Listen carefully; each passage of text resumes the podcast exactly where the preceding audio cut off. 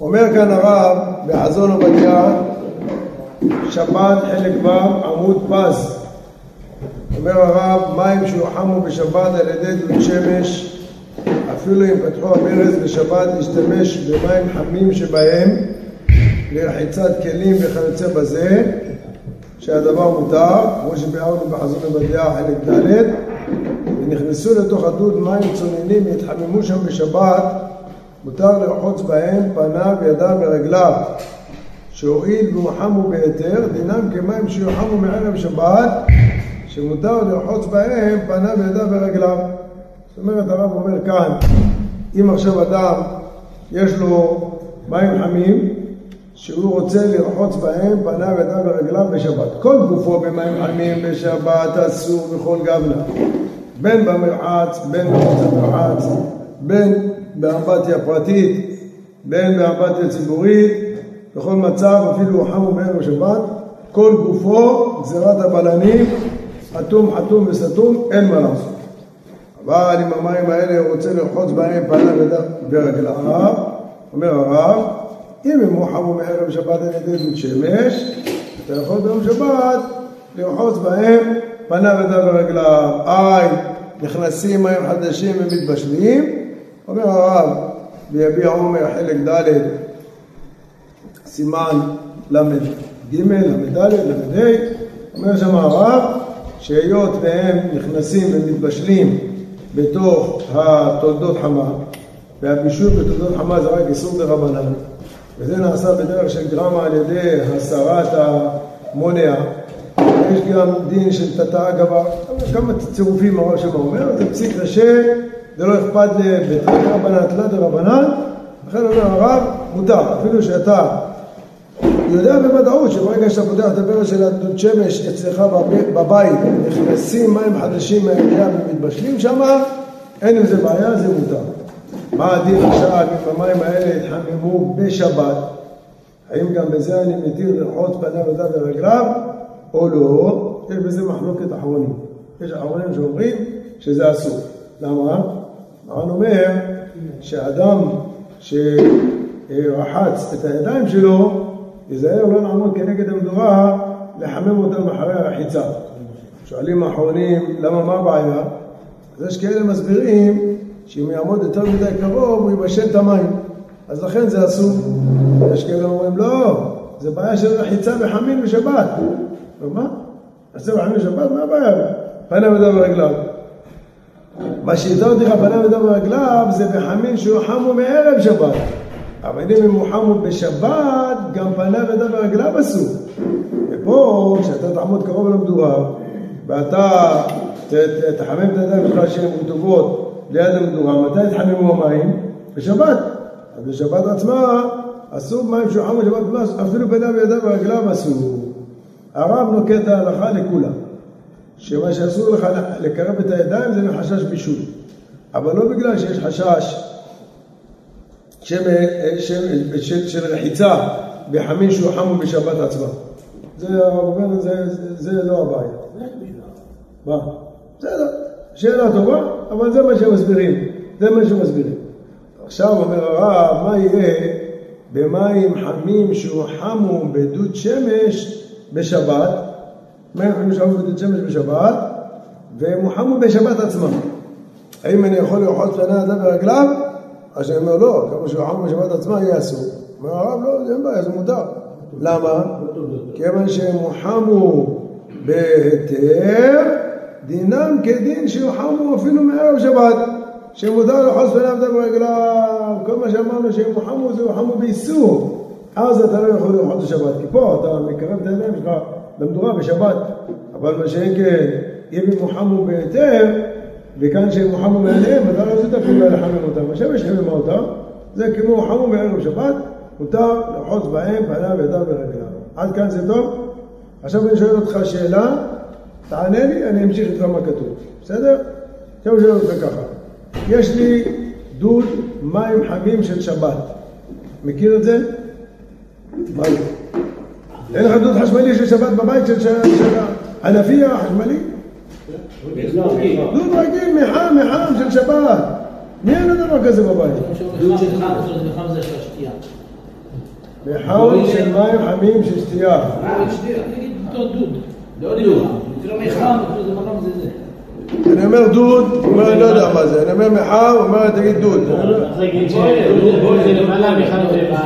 למטה במטבח עומד על השיש שני כפתורים, אחד על תחרה שלי מצב שבת, מה יש?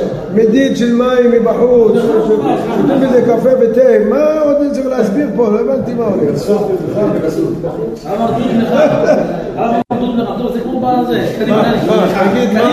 אני אגיד, מה? זה נקרא. מחם של שבת. חם של שבת.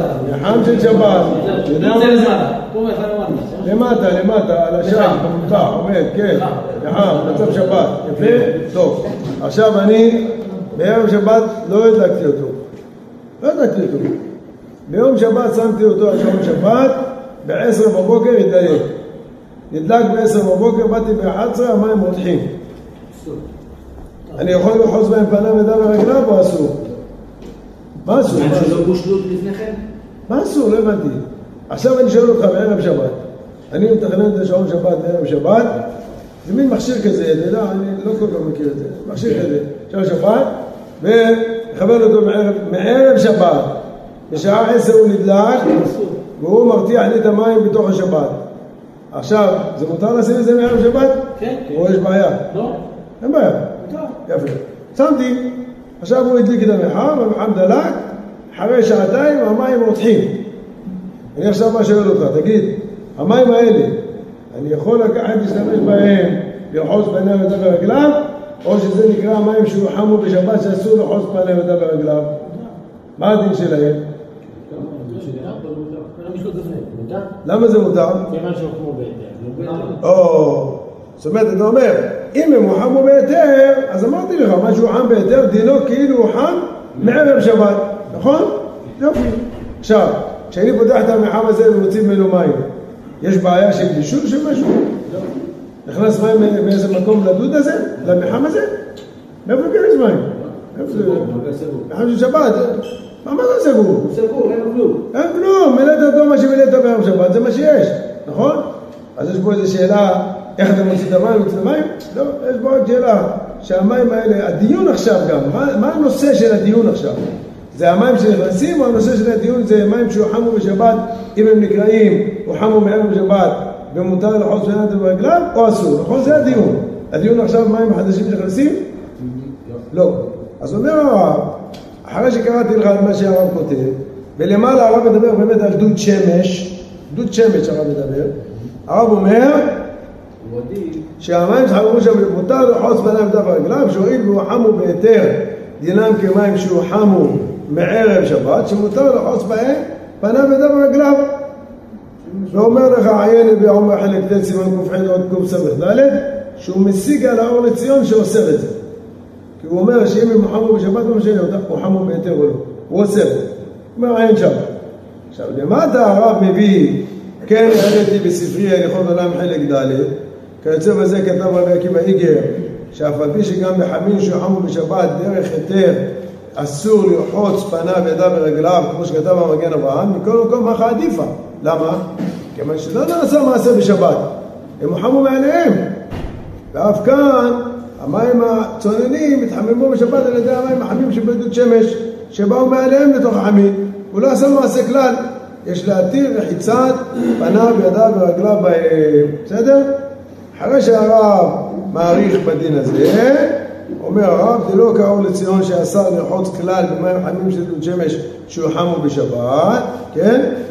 וכן השיג עליו רשות דברי דוד הנ"ל אומר הרב ונראה דהו הדין במים שהוחמו על ידי שעון שבת, באיזה דוגמה? של המלחם שאמרתי לך, תחשיב הוחמו בהיתר, ומותר לרחוץ בהם פניו, ידיו ורגליו. כתוב פה בוילר חשמלי? כתוב פה שנכנסים מים חדשים? כתוב, מה כתוב פה? לא, דיבר בנושא הזה למעלה. זה אה, זה לא מה זה למעלה, אבל תלמד לקרוא מה כתוב, לא מה אתה משלב את הלמעלה עם הלמטה. לא, היגיון להגיד, הוא דיבר על הבוילר. לא, הרב לא דיבר על הבוילר, הרב דיבר על הנושא של מים שהוחמו בשבת מעליהם, אם הם נקראים כי הוחמו מערב שבת או לא הוחמו מערב שבת, זה הדיון. לא? זה הדיון, מה שהוחם בהיתר נקרא הוחם מערב שבת או נבדוק אם הוחם בשבת. זה הדיון. לי זה היה קשה במובן. ולכן מה שהרב כותב ונראה דו הדין ביום שהוחמו על ידי שעון שבת חשיב הוחמו בהיתר לא כמו שאנשים הבינו בוילר חשמלי שהוחם על ידי שעון שבת. ואז הרב אומר אין בעיה. מה אין בעיה? נכנסים מים חדשים. כתבת ביביע עומר חלק ד' שבבוילר חשמלי אתה לא מתיר להוציא מים. עזוב אותי עכשיו פניו ידיו ברגליו? גם לרחוץ כלים אסור לך להוציא מים. נכנסים מים חדשים ומתבשלים שם. זה אסור אז מה עכשיו פתאום, בשלוש שורות הרב חזר בו? מתשובה ענקית כזאת ביביע עומר? מה פתאום?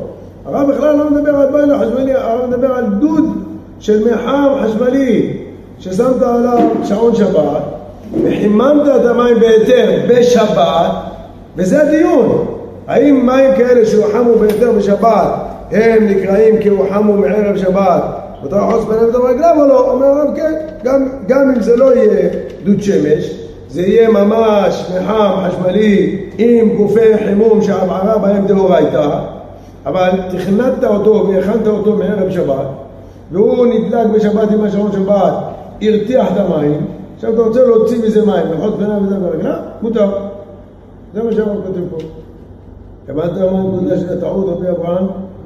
גדול, זה היה חידוש גדול. הדבר. אה, לך חידוש גדול ויש כאלה שעוד ממשיכים עם הטעות הזאת כן, כן, אומרים. כן, אומרים, אומרים. וגם ברדיו אומרים, אבל זה לא נכון. זה לא מה שהרב כותב פה. אתה- רוצה לשים בפה של הרב מה שאתה רוצה, אין בעיה. אבל זה לא מה שהרב כותב. הבנו? חזק וברוך. אנחנו עוברים, רבותיי, לדיני ט"ו בשבט. אומר כאן הרב, כתוב בתורה, עשר תעשר את כל תבואת זרעיך היוצא השדה שנה שנה. דרשו חז"ל בבכורות נ"ג שאין מעשרים מן החדש על הישן ולא מן הישן על החדש. הכוונה שאין לעשר מפירות שנה זו על פירות שנה שעברה ולא מפירות שנה שעברה על פירות שנה זו.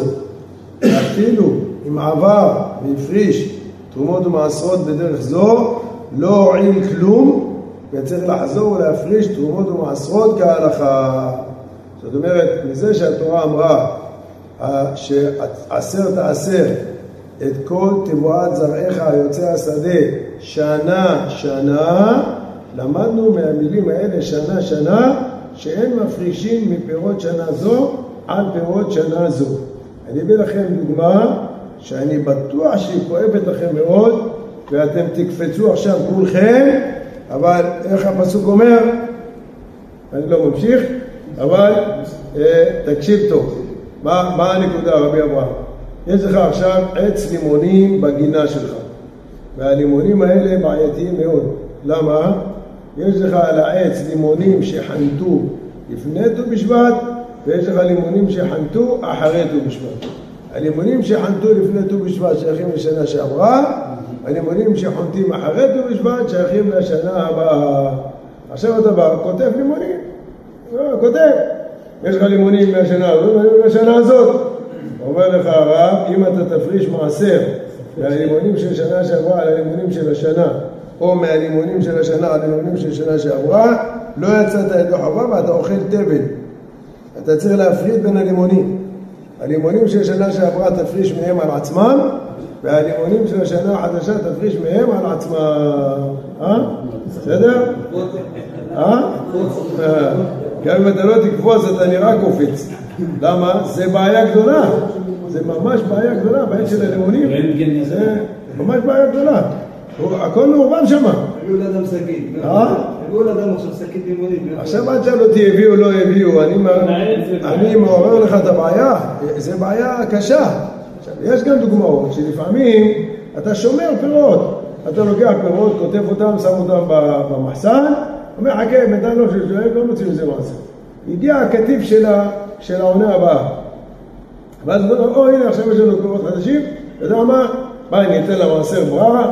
אבל לכבוד השם, אני אבל, לא קין, נותן לו את. נותן לו דבר טוב, טרי שהשנה, בוא, אומר לו משגיח, קח, תעשה מהשנה גם בשנה שעברה, קח מהפירות הטובים, אל תקח מהשם מה שיש במחסן. זה כוונתו לשם שמיים. אומר לך, לא, לא, לא, אל תהיה נדיב, תודה רבה לך. לא, לא, צריך לעשר מהשנה על השנה, משנה שעברה לשנה שעברה. אתה לא יכול לעשר משנה לשנה, ואם אתה מעשר אפילו בדיעבד זה לא תופס לך. אתה צריך לעשר רק כל שנה על הפירות שלה. זה נקודה מאוד חשובה. אנחנו נראה בהמשך שזה גם משתלב בין פירות לירקות. בפירות הולכים בהם אחרי הכנתם. בראש השנה שקובע להם לאיזה שנה הם שייכים, זה ט"ו בשבט. ואילו בירקות הולכים אחרי הנקיטה. בראש השנה שקובע להם לאיזה שנה הם שייכים, זה ראש השנה של א' בתשרי. זאת אומרת, יכול להיות שאתה באת לגינה בערב ראש השנה, כתבת קרטון עגבניות. שמת את זה בצד, אמרת עוד מעט נעשה מעשר. באת הביתה, אמרת שלך, תשמעי, כתבתי עגבניות מהגינה, עוד מעט נעשה מעשר. אמרת, מה כתבת? יש כבר עגבניות, עשיתי מטבוחה, עשיתי מה, מה עכשיו הבאת עוד עגבניות? מה יעשה עם העגבניות האלה? אומר, טוב, את יודעת מה, לא צריך, אז נשים אותם בצד, אחר ראש השנה נראה מה נעשה איתם. שם אותם במקרר, כתב עליהם תבל, לא למאכל. יופי. הגיע מוצאי ראש השנה, יורד הגינה, וואו וואו, הוא מלא עגבניות בשאלות כבר, מה? כתב אותם. הביא את כל העגבניות ביחד, רוצה לעשות מעשר. הוא אומר לו, אדוני, תזהר, עגבניות שכתבת בערב ראש השנה שייכים לשנה שעברה. עגבניות שאתה כתבת עכשיו בצום גדליה, שייכים לשנה חדשה. אל תעשה על העגבניות האלה על העגבניות האלה. אתה צריך לעשר את העגבניות של שנה שעברה בפני עצמם, ואת העגבניות של השנה החדשה בפני עצמם. ולא רק בשנים שמתחלפים המעשרות, אלא גם בשנים שהמעשרות לא מתחלפים. מה הכוונה? אנחנו יודעים ששנות השמיטה מחולקים לשתי קבוצות. יש קבוצה של אבדה וגו. אבדה זה שנים של מעשר שני, ג' ו' זה מעשר עני. עכשיו, אם אתה בא ולהפריש משנה אחת לשנה שעברה, זה, מה? זה שייך לשנה של אבדה, זה מעשר שני. עכשיו זה, הגענו לשנה ג', זה מעשר עני. איך אתה רוצה לעשות בשנה שנה? זה כל אחד מעשר אחר. אפילו אם אין את הבעיה של המעשר האחר, כגון במעבר מהשנים א' לב', בין השנים א' לב', אין בעיה. בין השנים ד' לה', אין בעיה. למה? גם זה מעשר שני, גם זה מעשר שני. הוא אומר, תשמע, השנה אין בעיה. שנה אחרת אתה צודק, כשיש מעבר בין המעשרות אתה צודק, אבל השנה אין. ממילא גם שנה א' זה מעשר שני, גם שנה ב' מעשר שני, גם שנה ד' מעשר שני, גם שנה ה' מעשר שני. אז מה הבעיה? הכל בסדר. אותם המעשרות, נכון, אבל אסור לך להפריש מפירות שנה זו עד פירות שנה זו, אפילו שזה אותם המעשרות. כל שכן אם זה לא אותם המעשרות שאתה לא יכול. אבל גם אם זה אותם המעשרות, זה מעשר שני וזה מעשר שני, אתה לא יכול להפריש מפירות שנה אחת על פירות שנה אחרת, צריך להפריד ביניהם ולהפריש כל אחד ואחד את המעשרות שלו על של עצמו, ולא משנה לשנה. אפילו הוא אומר, תשמע, במקום שתגידי תודה רבה, אני נותן לך עכשיו למעשרות פירות יותר משובחים ויותר טריים. תגיד תודה, מה עכשיו אתה בא מתפנק לי? לא תעשה לי מהפירות שנה שעברה, זה פירות כבר ישנים, ישנים ישנים. אל. אל ת... איך אומרים? אל תרשע הרבה ואל תצדק הרבה. אל תעשה טובות עכשיו. אין לך מה לתת עכשיו במעשר יותר טוב. אנחנו צריכים לעשות במה שתופס המעשר. בזה לא תופס המעשר, אז מה אתה מביא לי פירות יותר טובים? זה מה שהרב כאן כותב, אומר, מהיכן מונים? בירקות מונים יום א' בתשרי, שאין לתרום ולעשר מירקות שנלקטו לפני ראש השנה, על ירקות שנלקטו לאחר ראש השנה. ובאילנות מונים מיום ט"ו בשבט, שהוא ראש השנה לאילנות. לפיכך, אתרוג שנלקט לפני ראש השנה, לפני ט"ו בשבט, אין תורמים ומעשרים ממנו על אתרוג שנלקט אחר ט"ו בשבט, וכן להפך.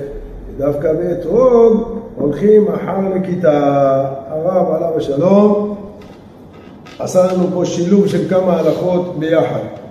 בואו, אתה...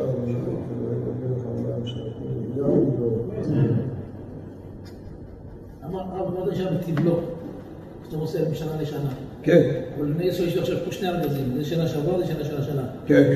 עשיתי על זה, כאילו, גם כל הקטע השני. אבל זה כן עשיתי אותו, שגם את זה לא עשיתי. לא, אם אתה עשית על שניהם ביחד, הפירות של אותה שנה שהסרת מהם. נתקנו. הפירות של השנה האחרת נשארו בתבלה. אבל אתה צריך לדעת שכמה הפירות של השנה הזאת שנתקנו, אז פירותיו מתוקנים ומעשרותיו מקולקלים. יודע שם זה. לא. זה בית וגיל. הרי מה אתה עשית עכשיו? במקום לקחת כמות מסוימת של מעשר, כן, כן, כן, כן. אתה לקחת יותר מדי מעשר. נכון? אתה אמרת שהמעשר יהיה בדרומו. נכון? עכשיו, הוצאת כמות גדולה, לא הכל נתפס במעשר. למה? כי הארגז הזה של השנה שעליו המעשר נתפס. היה צריך חצי מהכמות, לקחת יותר. זאת אומרת, עכשיו אתה תבוא תיתן לעני את המעשר עני שלו, כן? אתה למעשה נתת לו 10% מהעיגולים מעשר עני שזה מגיע לו, ועוד 10% שכביכול הפרשת על הקרטון ההוא, תבל. כי את זה לא תיקנת. אתה חשבת שאתה קורא לזה מעשר עני, ובאמת זה לא. כי את החלק הזה לא תיקנת. אז פירותיך מתוקנים ומעשרותיך מקולקלים. זה, זה, אתה מבין? זה הבעיה עכשיו. זה מה? אפשר לתקן? אתה יכול ל- להימלך, אתה יכול ל- להישאל כמו התרת נדרים על כל ההפרשה שלך. זה בתנאי שעדיין לא אכלו, אבל אם אכלו יהיה לך בעיה. אותו דבר זה קורה גם כן למשגיחים שעושים מעשרות. לפעמים הם לוקחים כמות, ובסוף מתברר שהכמות שהם לקחו היא קטנה ממה שצריך. לא גדולה, היא קטנה ממה שצריך. היה פעם, הייתי בחנות של אחד, שהוא ירקן מהשיעור שלנו. אז בא המשגיח, אמר לו כמה קרטונים בצל הבאת? אמר לו עשר. אמר לו עשר קרטונים כפול זה, תביא לי כך וכך בצלים ואני אעשה את המעשה. אמר לו לא, תיקח עוד עשר אחוז. אמר לו למה? אמר לו תקשיב, הפעם הייתי בשוק, לא היה לו את הקרטונים הסטנדרטיים, היו לו קרטונים קצת יותר גדולים, הוא נתן לי אותם במחיר של הקרטונים הרגילים. אבל יש בכל קרטון עוד עשר אחוז אה, יותר. אז אמרו לו, תיקח יותר. עכשיו, בתעודת משלוח לא כתוב המשקל החדש, כתוב כמו הקרטונים הרגילים. המשגיח לוקח לפי תעודת משלוח. אבל הירקן ידע שהוא קיבל קרטונים יותר גדולים בגלל שלא היה, והוא אמר לו, קח, זה על חשבוני, קח, יופי. עכשיו, אם הוא לוקח לפי החשבון של הקרטון הקטן, ובאמת יש קרטונים גדולים, אז הוא לוקח פחות מהכמות. עכשיו, פה יכולה להתעורר בעיה חמורה מאוד. למה? כי אתה אומר, היותר מאחד ממאה שיש כאן בצד צפונו, יהיה תרומה גדולה על הכל, נכון? עכשיו עכשיו אומרים אין בעיה, בוא נראה. היותר מאחד ממאה, אין בו אפילו אחד ממאה. אז איך היותר מאחד ממאה יהיה תרומה גדולה? אז אין תרומה גדולה. תמשיך הלאה.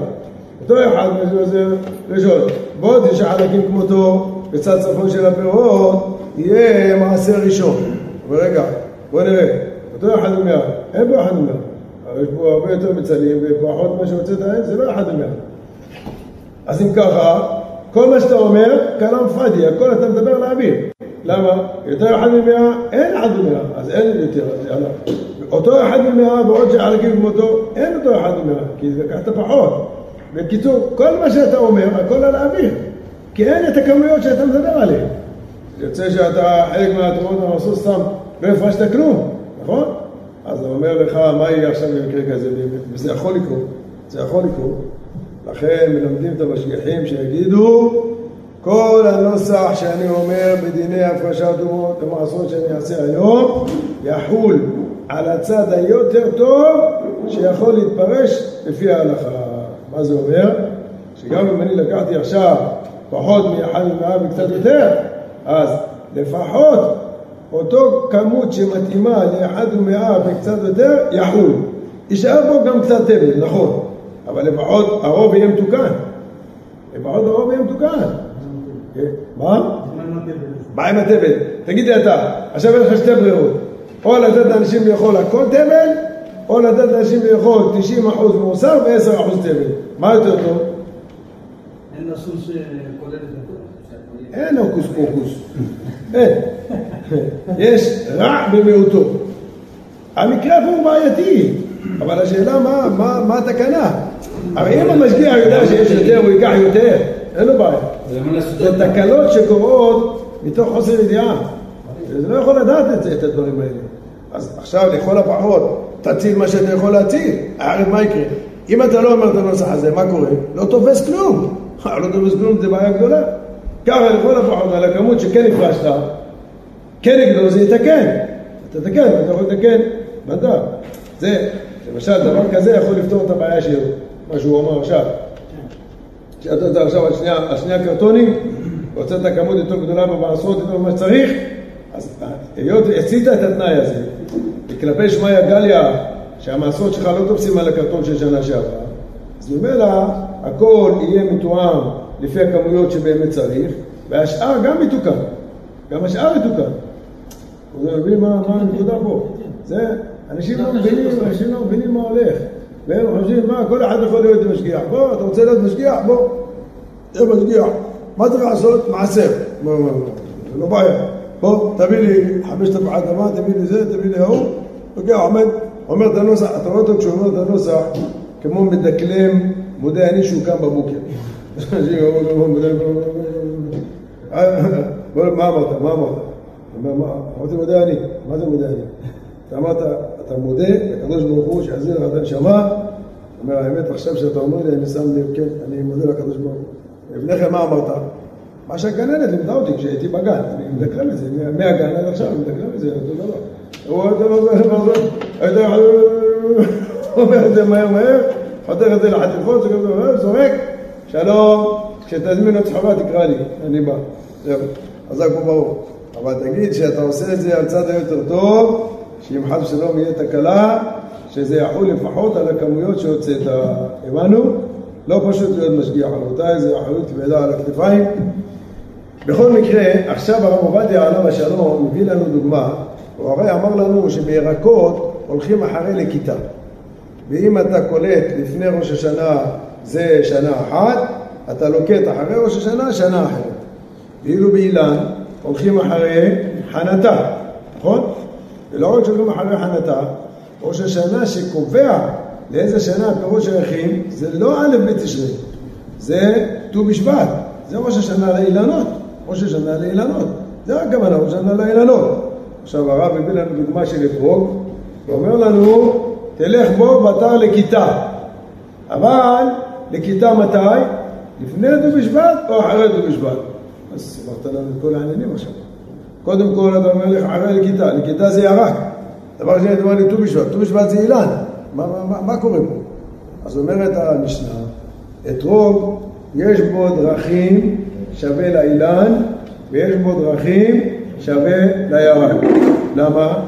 כיוון שהאתרוג, אומר החזון איש, זה עץ מפונק, והוא גדל על כל מים כמו ירק.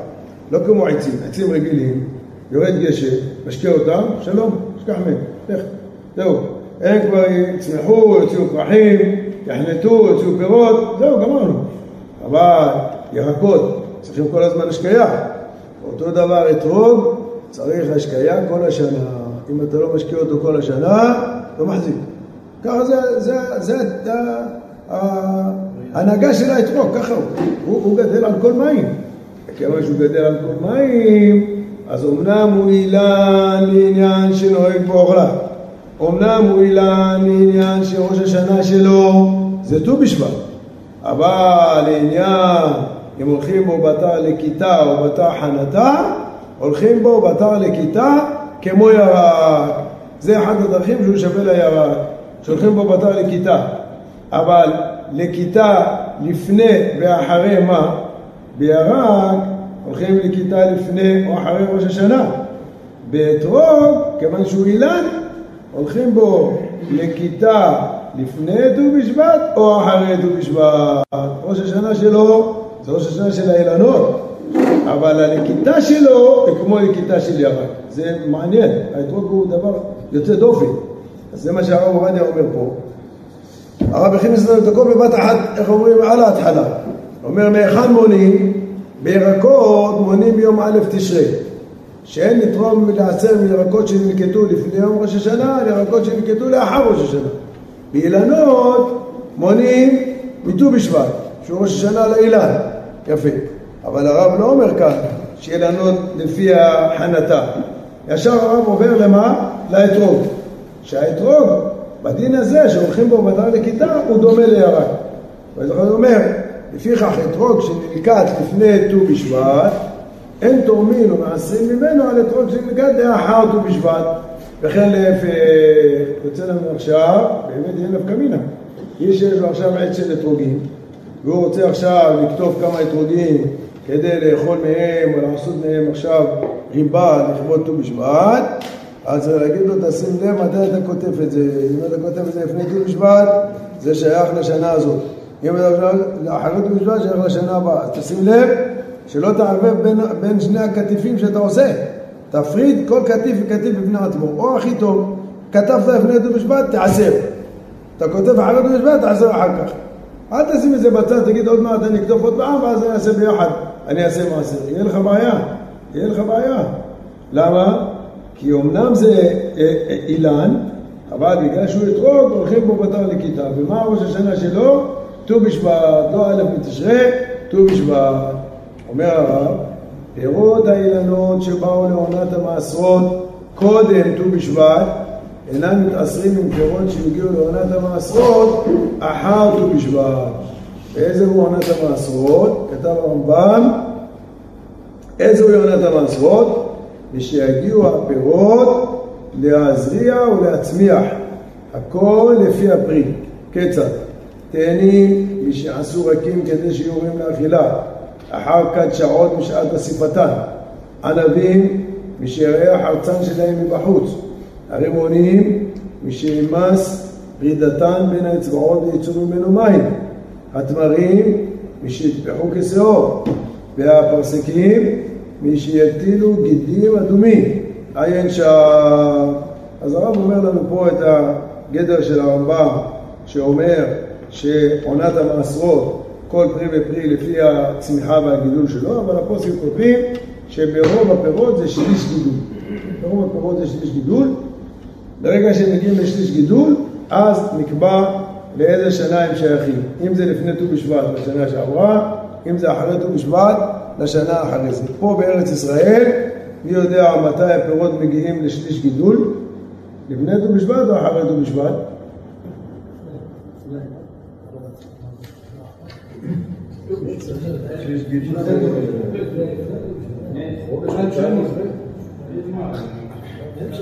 זה החניתה מה, מה?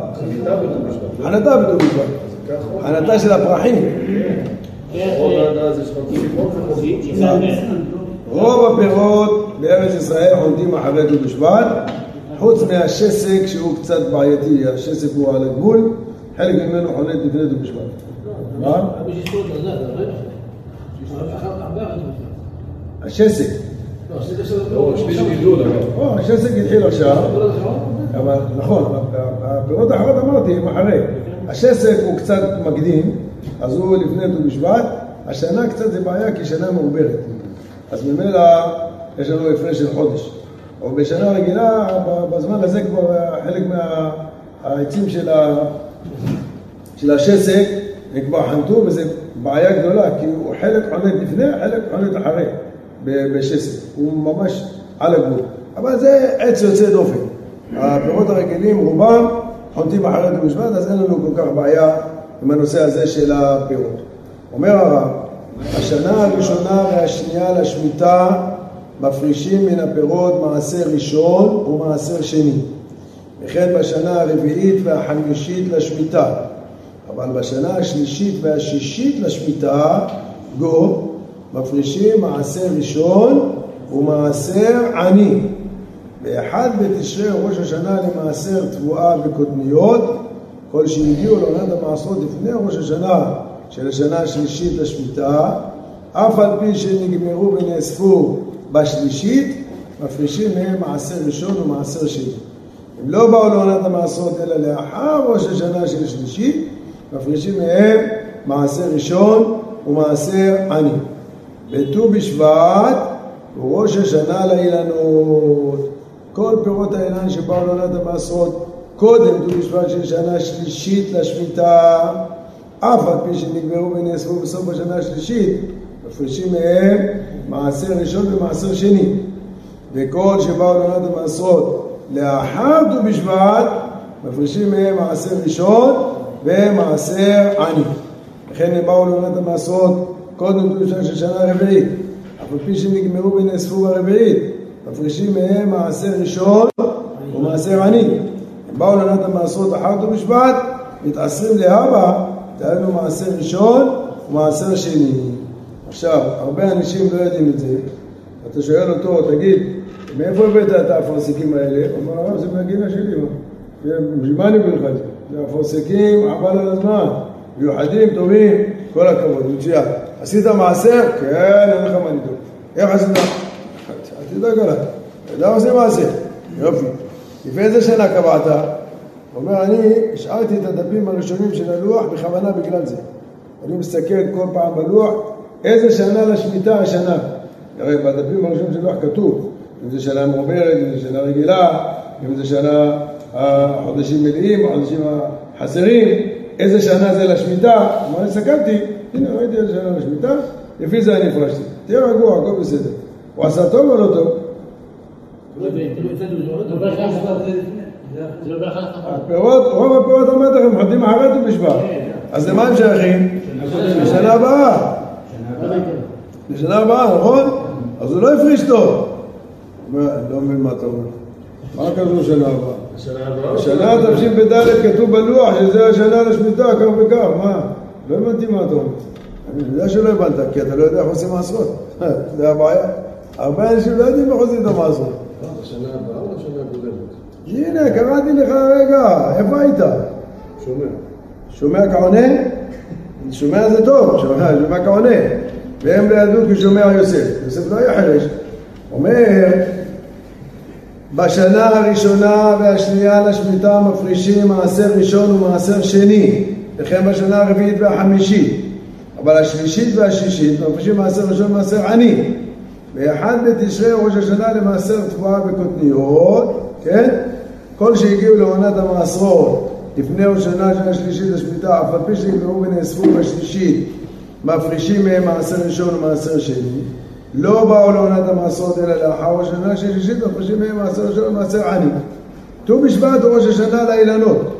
וכל הפירות האילן שבאו לעונת המעשרות קודם ט"ו בשבט של השנה השלישית לשמיטה, אף על פי שנגמרו ונאספו בשום שנה שלישית, מפרישים מהם מעשר ראשון ומעשר שני.